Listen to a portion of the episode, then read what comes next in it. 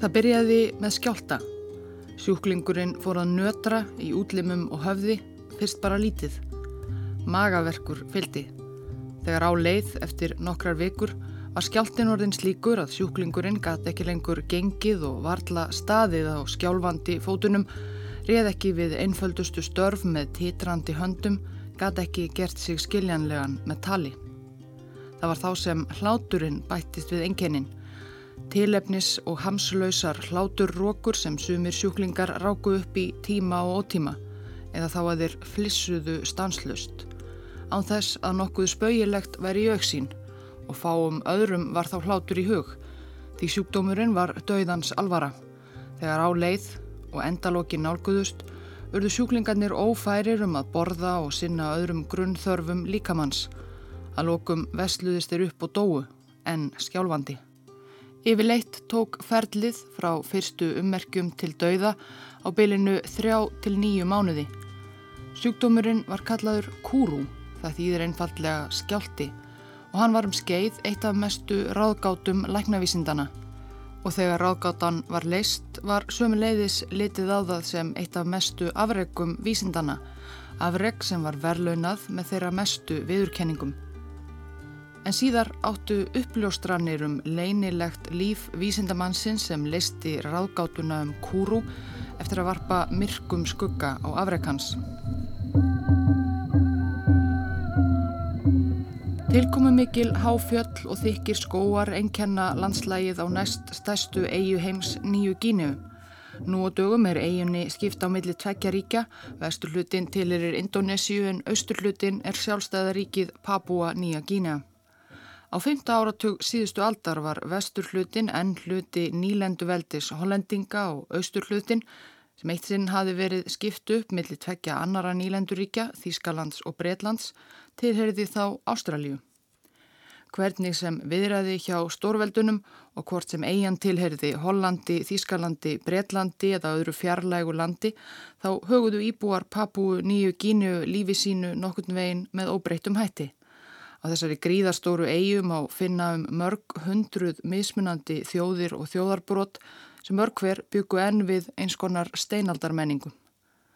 Eftir setni heimstyrjöld fóru stjórnvöldi í Ástralíu að gera át leiðangra inn í frumskóa nýju kínu á svæði sem enn voru að hluta til ókortlögð til að kynna frumstæðum eigaskekkjum undur nútímans og vestrætnar síðmenningar og reyna að telja þá af ósýðum eins og galdra og andatrú, ættbólka stríðum og mannáti sem týðkaðist hér og þar.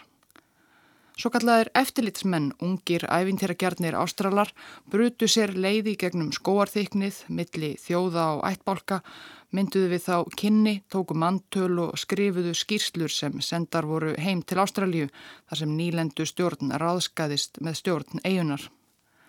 Það tók tíman sinn, jafnvel fyrir stóran hóp vaskra eftirlitsmanna, að dekka alla eiguna og ná á hverja þjóð og hvern kæft. Verkið tók mörg ár. Eitt af síðustu stöðunum sem eftirlitsmennir heimsóttu voru heimahagar fóri þjóðarinnar sem býr í fjálslýðum á hálendin og austurluta nýju gínu.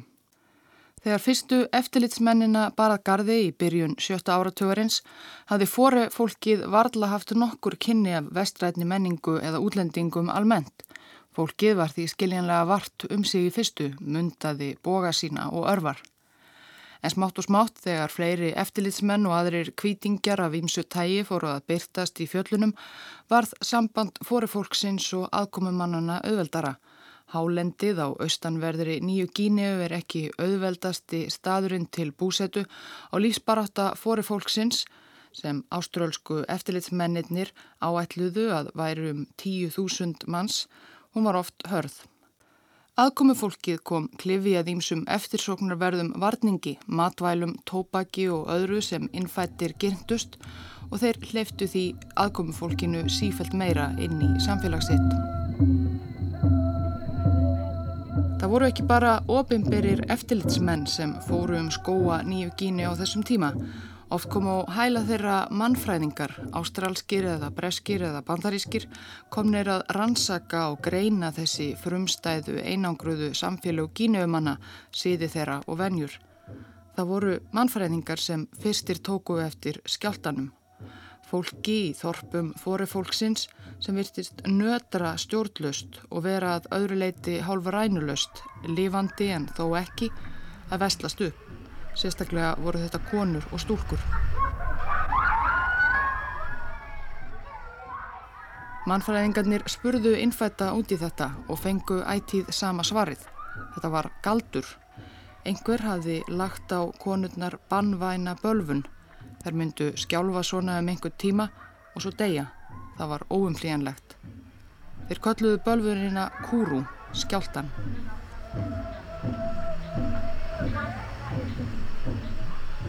Daniel Carlton Gætusek hafði að eigin sögn aldrei á æfisinni áhuga á því að vera eins og aðrir. Þegar hann var drengur skildan ekki kappið í hinnum krökkunum að reyna að líkjast félögum sínum.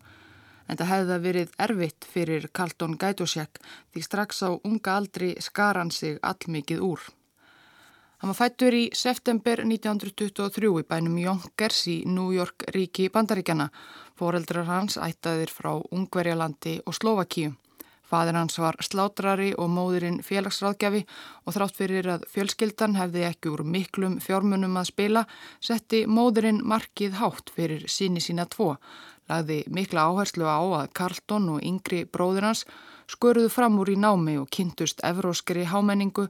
Hún las fyrir þá heimsbyggi frá unga aldri, forn, gríska og kant og leið á hlusta á Bach og Beethoven. Karlton var eldklár og duglegur námsmaður en hann var servitur, ómögulegur í íþróttum og stríkt af stærri drengjunum í kvarfinu. Hann hafði ofur áhuga á vísindum, öllum stundum lágan yfir bókum um hetjur vísindasögunar og satt námskeið í jarðfræði, grasafræði, skortýrafræði og fleiri greinum eftir skólatíma.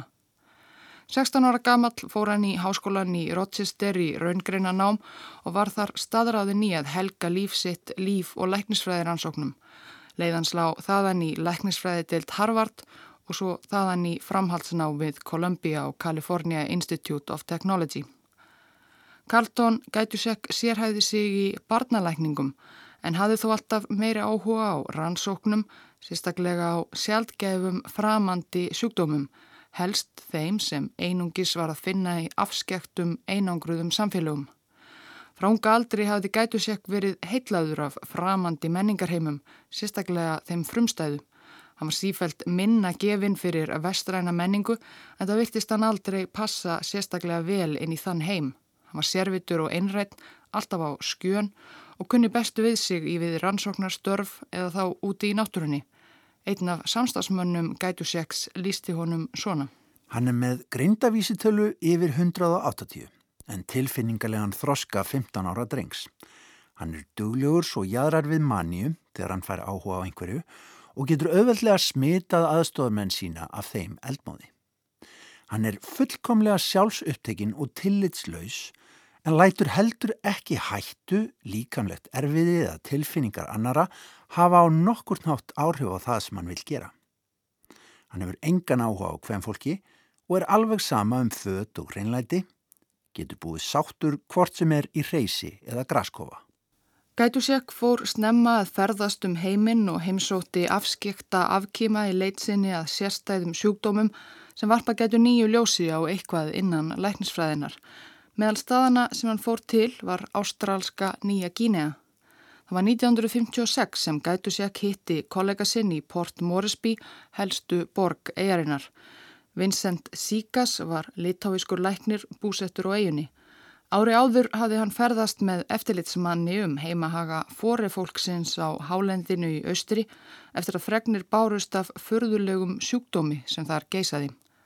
Fregnir af fólki sem skalf stjórnlaust rak af og til upp brjálaðislegar hláturrókur, vestlaði svo upp og dó. Kúrú. Vincent Sigas hafði dvalið meðal fóri fólksins um hríð en ekkert orðið ágengt með skjálfandi sjúklingana sem sífælt urðu fleiri og fleiri eftir því sem á leið. Gætusek var strax heitlaður. Hann ákvað á stundinni að fara sjálfur á vettvang til að komast til botts í því hvað eiginlega hrjáði fórefólkið. Hann trúði ekki skýringum innfætra að þetta væri bölfun og ekki heldur þeim kenningum mannfræðinga að sjúkdómurinn kemi til af eins konar menningarsjokki frumstæðrar fjallathjóðar. En hvað var kúru þá og hvernig mátti lækna sjúkdóminn? Gætusek, alls óhrættur við að búa við frumstæðar aðstæður eins og líst var hér áðan, dvaldi hjá forefólkinu mánuði og mánuði í senn næstu misseri og ár. Þannig að hann fylst með þróun sjúkdómsins frá því að titringur gerði fyrst vart við sig og þar til sjúklingurinn vestlaðist upp nokkrum mánuðum síðar, grind horaður og út úr heiminum. Gætusekko Síkas setti upp frumstæðan spítala í einu fóreþorpi og hann var fljótur að fyllast. Þegar þarna var komið sögu var sjúkdómurinn orðin að alvarlegum faraldri. En ekkert sem Gætusek gerði til að reyna að lækna þá sjúku virtist bera nokkurn árangur. Engar meðferðir, engin lif, ekkert beit á þróun sjúkdómsins. Fólkið hrundi niður. Og við sömu erfiðu aðstæður kröfði Gætusek lík hennar látnu í leitað vísbendingum um eðli sjúkdómsins. Þannig staðfesti hann fljótlega grunnsemdir sem Síkas hafi haft. Komst að því að sjúkdómurinn lagðist á miðtögakerfið Heili sjúklingana var skemtur og illa út leikin, allsettur örlittlum götum eins og svampur. Merkilegt, en gætu sék var engunær því hvernig og hvers vegna kúru kom yfirleitt upp. Ekki voru það galdrar eins og innfættir töldum.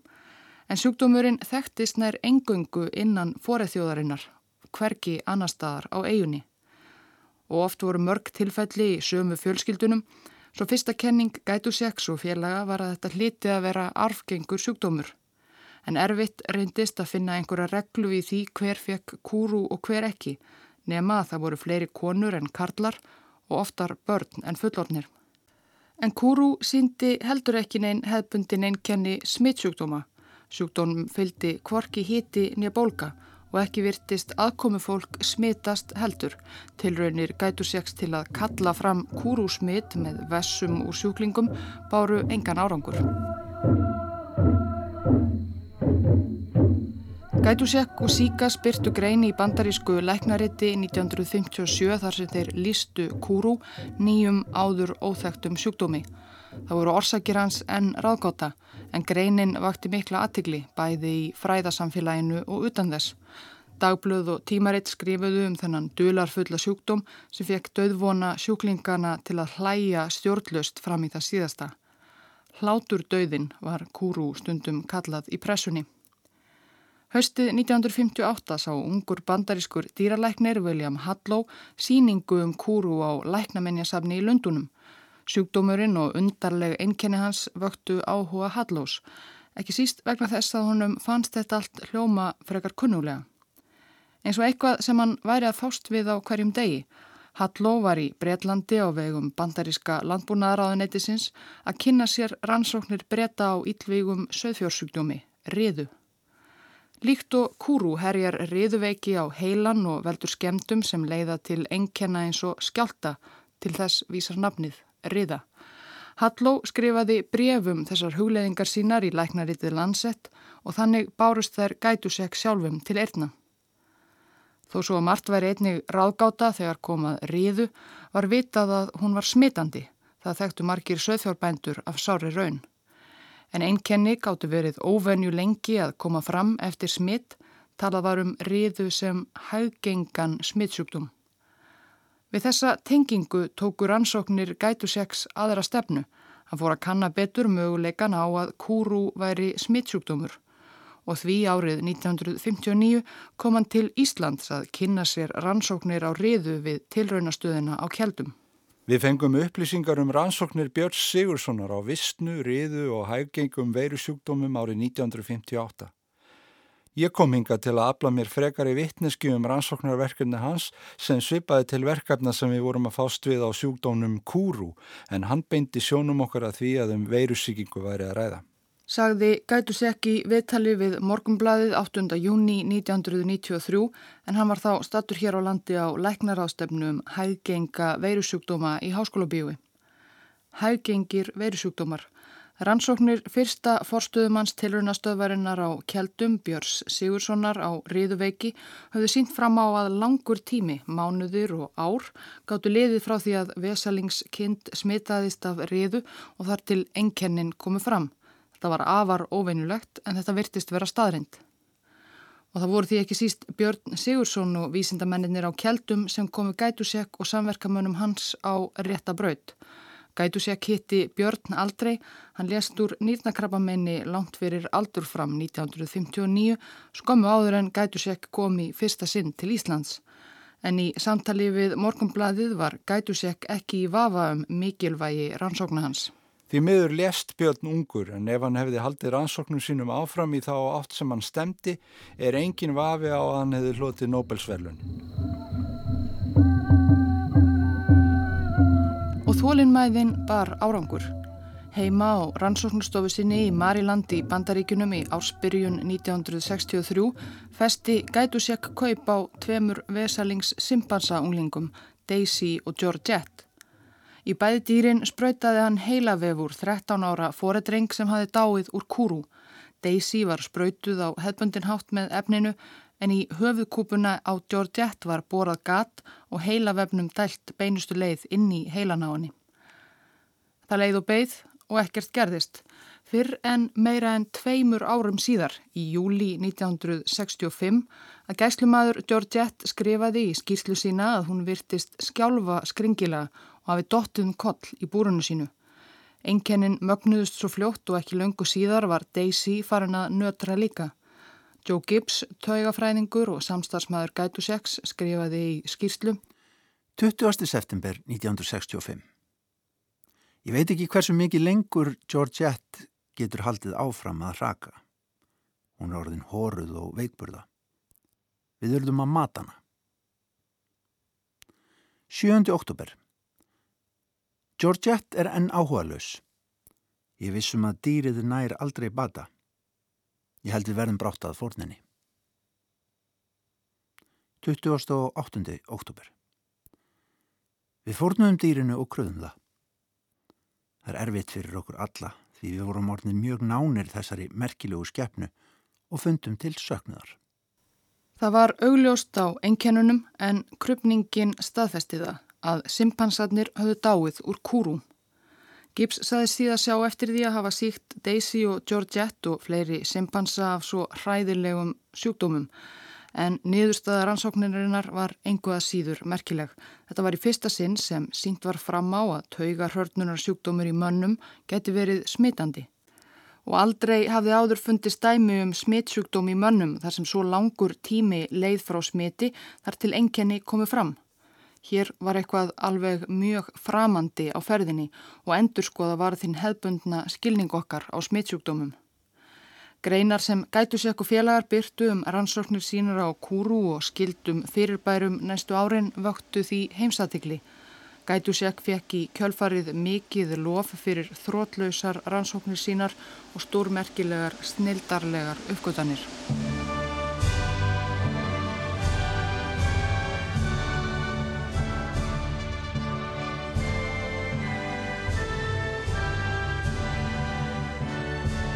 Og þann 10. desember 1976 tók Carlton Gætusek við Nobelsvælununum í læknisfræði úr hendi Karl Gustafs 16. Svíakonungs.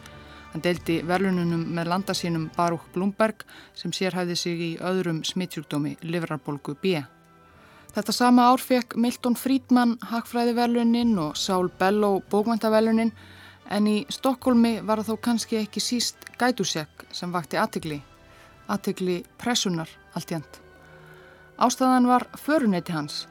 Gætusek kom til Stokkólms í fyllt fóstursóna sinna eins og hann kallaði þá og þeir voru ekki tveir eða þrýr heldur nýju á ímsum aldri, allir dökkir á hörund, ættaðir frá nýju gínu eða öðrum suðurhafsegjum.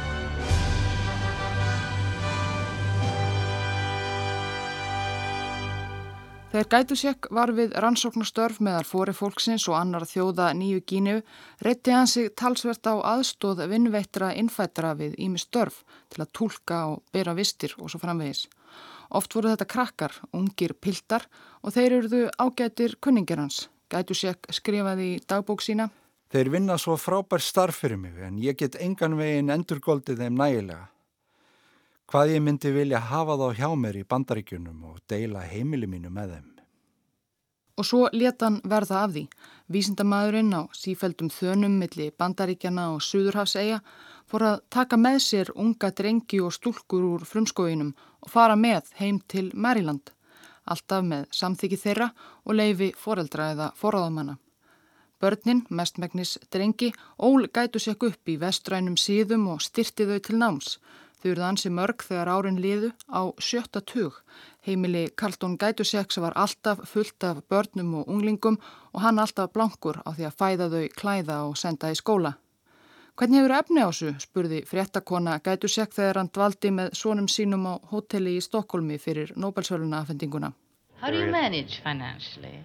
Well, uh, by um, handing down clothing from one generation to the next and by uh, making great use of our friends. Með því að láta föttin ganga frá einni kynslu til annarar, svaraði Gætusek eins og vanasta húsmóðir.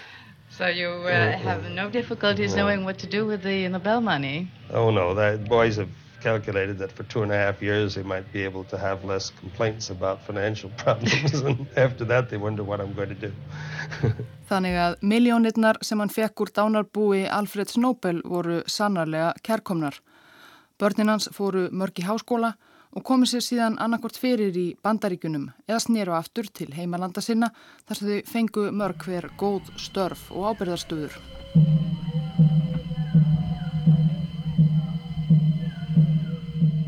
Við heyrðum hér áðan stuttan lestur úr dagbók Karltón Skætusjak. Hann helt ítarlega dagbók alla sín æfi, miljónir blaðsíðina. Hluti dagbókana var gefin út á meðan Gætusjak enn lifiði, meðal annars skrif hans frá kúru rannsóknar árunum í nýju gínu. Það var einhver sem las þau, þá áratuga gömlu skrif sem gerði Alrikis lauruglunni viðvart í upphafi tíunda áratugarins að í ljósi skrifa gætuseks væri kannski ástæða til að aðtuga aðstæður á heimili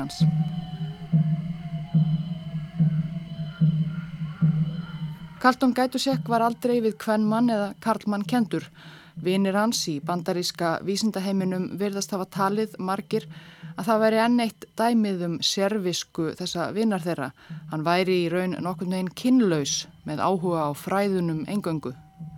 En þeir vinir hafðu þá ekki lesið dagbækur gætu sex þar sem hann skrifar opinskátt um kynferðismál og játar það að sjálfur neyist hann kynferðislega til barna.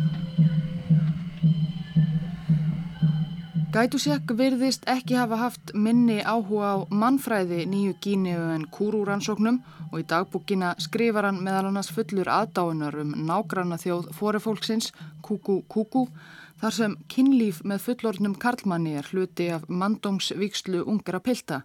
Frjálsleg kynhegðun fleiri kyrrahafstjóða heitlaðan. Ég myndi vilja að hver piltur svæfi hjá sýstur sinni, væri dregin á tálar af eldri bróður sínum og kennara, æfiði sig á frændum sínum og frængum og vinnukonum, hverjum sem er. Til þess að finnast kynlíf vera skemmtilegt og léttúðlegt, ástriðufullur leikur frá unga aldri og svo framvegis. Í dagbókum sínum frá Kirrahafs árunum skrifar Gætusek hverki beint að hann hafi stundað kynlíf með börnum en játar að hafa sofið í fleti með ungum drengjum og annað sem kannski teltist ekki alveg við hæfi í bandaríkunum. Það voru þessi skrif Gætusek sem alríkislaurglumenn tóku til rannsóknar og rættu í kjölfarið við fósturbörn hans og einn ungur maður, þá vorðin 23 ára frá Mikronesju í háskólanámi í bóði Gætu 6, var tilbúin að stíga fram og vitna um að velgjörðamadur hans hefði misnotaðan kynferðislega frá því hann fyrst kom til bandaríkjana 15 ára gamall, meðal annars haft við hann munmög. Síðar vitnaði annar drengur um svipaða reynslu, sá var þá enn undir lögaldri. Í april 1996 var Carlton Gætusek ákerður fyrir kynferðislega misnótkunna á börnum. Hann var þá 73 ára og heimsfrægur mikilsmetin vísindamæður, Nobelsvennuna hafi. Þetta var stórfrétt. I don't even quite understand what the charges are all about, so I'll have to talk about that later. Gætusek neytaði sög, saðist ekkert hafa gert af sér og varðla skilja ákeruna gegn sér og það sem meira var vísinda heimurinn í bandaríkunum reysi upp honum til varnar. Til lauruglu streymdu bref gætu seg til stuðnings þar sem þessum snillingi var borin góð sagan. Undir brefin skrifuðu sumur virtustu vísindamanna bandaríkjana. Sænski útvars og kvikmyndagerðamæðurinn Bosse Lindqvist gerði myndum gætu seg 2009 Myndin fellar bæði um störf gætuseks í Suðurhöfum og um ásakanirnar á hendur honum sem síðar komu. Í myndinni ræðir Lindqvist meðal annars við vini gætuseks, mikil smetna, vísinda og fræðimenn. Þar meðal eru starfræðingurinn Mandelbrott og geðleiknirinn Oliver Sacks. Flestir verja þeir vinsinn. Segja, ég sá aldrei annað en hann væri góður við síni sína. Gætusek var servitur, ekki eins og við hinn, en hann myndi aldrei meiða neitt. Og ef eitthvað gerðist var það þá ekki bara eitthvað sem drengirnir voru vanir allsíða í heimkinum þeirra í söðurhöfum. Og hvaða máli skiptir þetta þegar maðurinn er svona mikill snillingur? Og svo framvegis. Lindqvist tala líka við nokkur af börnum gætusek sem vissulega bera honum bara góða söguna. Hann hafi aldrei leitað á þau og verið indislegur fósturfæðir og gefið þeim ómetanleg tækifæri. En þegar líður á myndina og eftir óteljandi varnaræður um snilligáfu, gætusex og servisku ræðir Lindqvist líka við svon náins vinnarans sem fullir þeirra að vísindamæðurinn hafi misnotaðan frá unga aldri, skriðið upp í rúmtilans, þuklað á honum, talað við hann um ágæti þess að ungir drengir eins og hann stunduðu kynlíf með fullornum körlum. Hann saðist og sjá eftir því að hafa ekki stíð fram þegar gætusek var handekinn. Lindqvist minnist líka á það að við gerð myndarinnar hafi sjö fóstursinir Gætuseks til viðbótar haft samband við hann og sagt frá því að Gætusek hefði misnotað hann. Kaldón Gætusek, hundeldur af lauruglu og fjölmiðlum, játaði á endanum sög. Vinir hans og stuðningsmenn andörpuðu töldu víst að hann hefði bara samið um að játa til að þurfa ekki að fara fyrir domstól Hann var ekki típan til þess, þessi sérvitri snillingur. Hann hlaut 12 mánuða fangelsi. Eftir að hann var látin laus á skilorði 1997 fór hann í sjálfskeipaða útlegð til Tromsö í norður Noregi þar sem hann kom sér fyrir á hotelli. Norður hjara myrkrið hjálpaði honum að einbeita sér að vísindastörfum sínum, sagðan. Sænski kvikundagerðamæðurinn Bossi Lindqvist heimsótti hann til Tromsö 2008. Gætu sekk, þá vorðin 85 ára, vildi enn meina að hann hefði engan glæp framið og varði sig af ákjefð.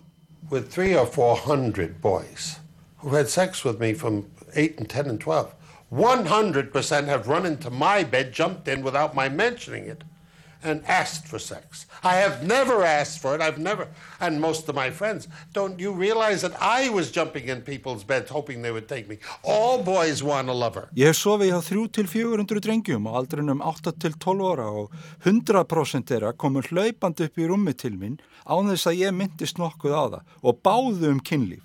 Ég hef aldrei beðið um kynlíf. Áttaðu þið á því að sem ungur drengur stökk ég upp í rúm til karlmanna og vonaði að þeir tækju mig. Allir drengir vilja elskuga. Þannig virkar þetta. Now come on, that's the rule of the game.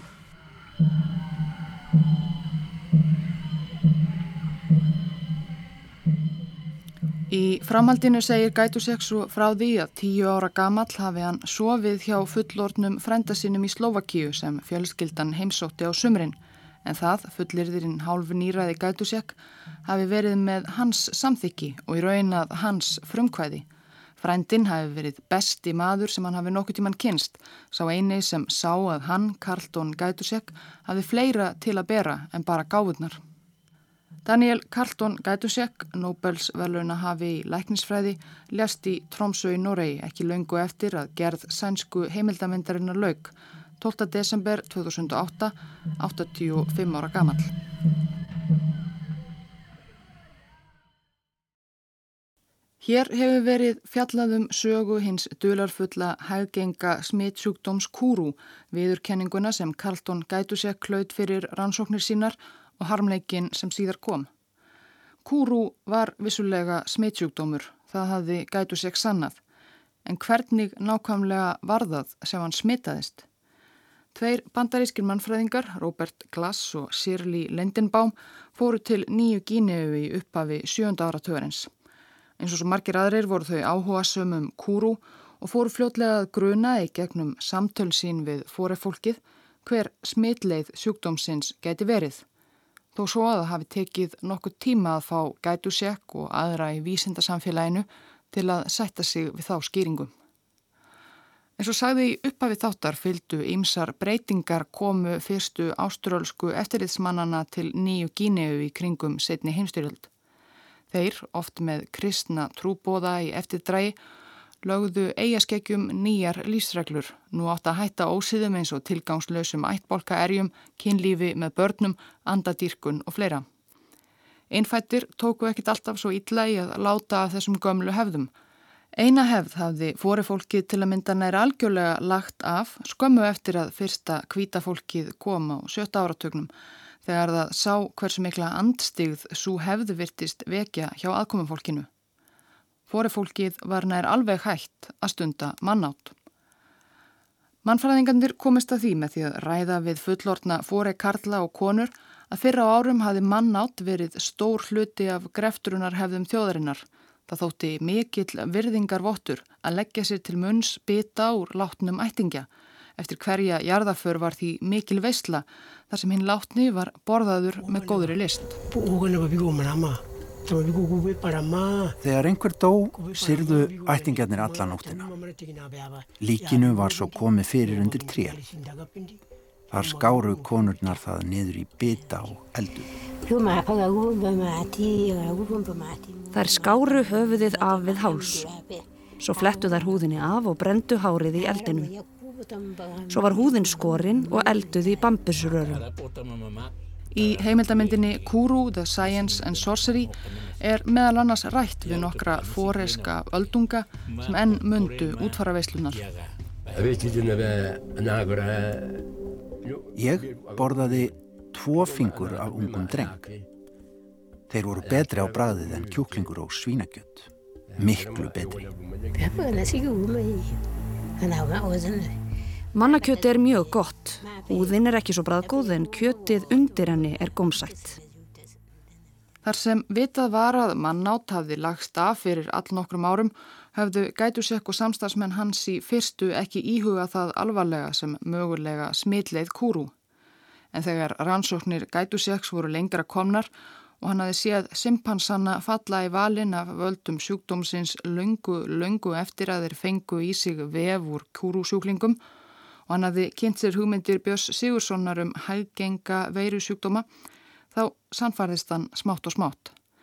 Kúru, þessi furðulegi, hryllilegi sjúkdómur, hlátur döðin, hafði breyðst út á meðal forefólksins á hátt sem að minnstakosti flestir vesturlandabúar álita ekki síður hryllilegan með mannáti. Neðri hluta líkamanns fekk mákona hins látna. Tengdadætur hans fengu hendurnar og voru mjög þakkláttar fyrir og sögðu þessar hendur strituðu fyrir mig.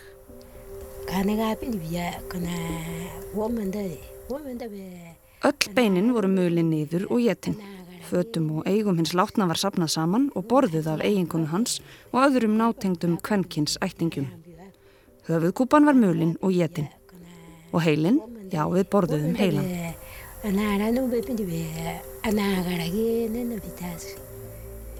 Mjög fáir karlar tóku þátt í veslunum. Stríðismenn borðuðu ekki mannakjöld. Við trúðum því að það myndi veikja okkur fyrir bardaga. Þarna var líka komin skýringin á því hvers vegna sjúkdómurinn virtist sérstaklega herja á börn og konur. Eins og við heyrðum voru það nánir ættingjar látina sem fengu að gæða sér á líkamsleifum þeirra og sérilagi konur og börn. Um miðjan sjönda áratugin þekktust í arðarfarar veislunar ekki lengur og það var um það leiti sem börn hættu að fá kúru. Síðan hættu unglingarnir að greinast. Lóks voru það bara gamlar konur sem dóu og þannig smátt og smátt átti þessi hryllilegi sjúkdómur eftir að hverfa nær alveg. Að vísu hættu ekki alveg allir að geta mannakjött þegar kvítumennir komu og hristu hausin. Einhverjir stunduðu áfram þessa gömlu siði í laumi og því komu af og til upp kúrutilfelli allt fram á 20. og 1. öld.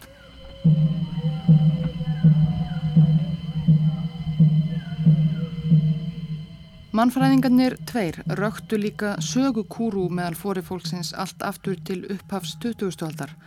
Elstu menn mundu eftir fyrsta kúrutilfellinu, manni sem fór að skjálfa, misti svo ráð og rænu og dó. Lengra var ekki hægt að rekja sjúkdóminn eins og hann hefði kviknað af sjálfu sér í heila þessa ólánsama manns þarna um aldamótin. Það var þá sem menn fóru að rifja upp annan dularfullan og hryllilegan taugasjúkdóm. Um þann höfðu vísindamenn brotið heilan nokkuð lengur en hann var kentur við tvo þýska taugafræðinga sem báðir lístu honum í upphafi þriði áratugurins, hans Gerhard Kreutzfeldt og Alfons Maria Jakob. Kreutzfeldt Jakob veldur líkt og kúru skemdum á vefjum í heila með hryllilegum afleðingum fyrir sjúklingin. Það byrjar með gleimsku og sjóntröflunum, svo bætist við sljóleiki, ósjálfráðir kippir eða skjálti, alvarleg vitglöp og að lokum fellur sjúklingurinn í dá og lætur lífið, yfir leita á innan við ári frá því að fyrstu enkennin fara að gera vart við sig. Kreutzfeldt Jakob var sjálfgefur sjúkdómur, einungis örf á tilfelli voru þekkt en hann virtist verið að finna um heim allan og spretta upp eins og af sjálfu sér í heila óheppina sjúklinga.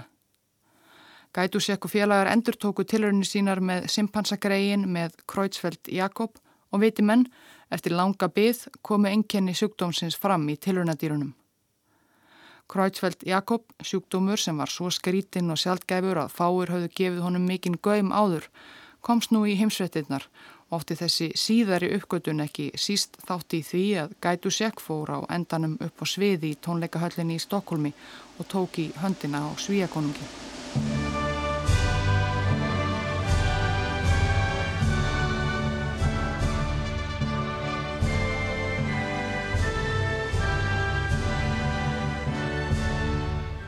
Árið 1997 þegar Carlton Gætusek var orðin að dæmdum barnanýðingi og tukthúslim var annar maður sem tók við sama heidri en byggði á rannsóknum hans.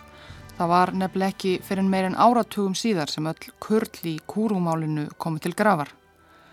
Hæðgengu veirutnar sem bæði Björn Sigursson og Carlton Gætusek hafðu brotið heilanum og virtust valda kúru Króitsveld Jakob og Ríðveiki voru í raun ekki veirur heldur prótín eða svo kallu príón eða prótínsíklar.